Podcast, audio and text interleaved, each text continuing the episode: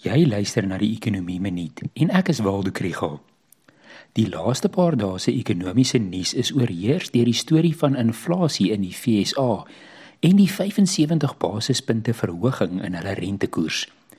Dis dalk net interessant om te noem dat die sogenaamde benchmark koers staan op 1,5 tot 1,75%, ja wat laer as ons 4,75% repo koers. In die naweek se koerante het ekonome verduidelik hoe dit Suid-Afrika kan raak. Meeste is van mening dat die Reserwebank speelruimte het en nie so aggressief hoef op te tree teen inflasie as die Amerikaanse Fed nie. Om te toets of hierdie speelruimte argument sin maak, kan mens vinnig die oorsake van inflasie in die FSA en Suid-Afrika vergelyk. Planet Money het 'n interessante onderhoud met die ekonom John Cochrane gevoer wat hiermee help. Hy argumenteer dat 'n deel van die prysverhogings is 'n aanbodkant skok.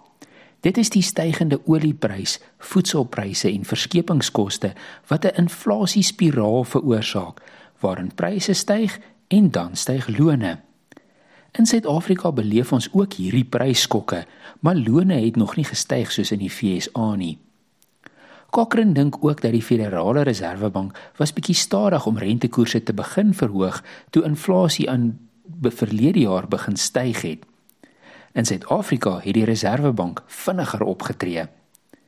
Laaste skryf hy inflasie toe aan die reuse fiskale stimulus tydens die COVID-19 pandemie.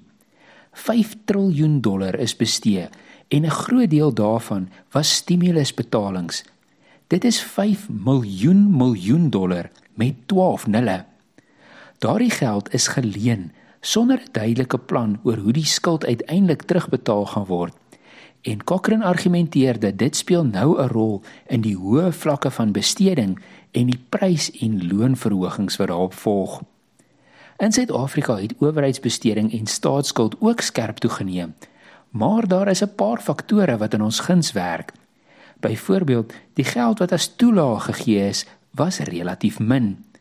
Hoë kommoditeitspryse het ekstra belastinginkomste ingebring en daar is 'n sterk dryf vir fiskale konsolidasie om die begrotingstekort en staatsskuld weer te verminder. Alles saam gaan die Reserwebank volgende maand die repo koers moet verhoog. Maar hopelik het ons nie ook 'n 75 basispunte verhoging nodig nie.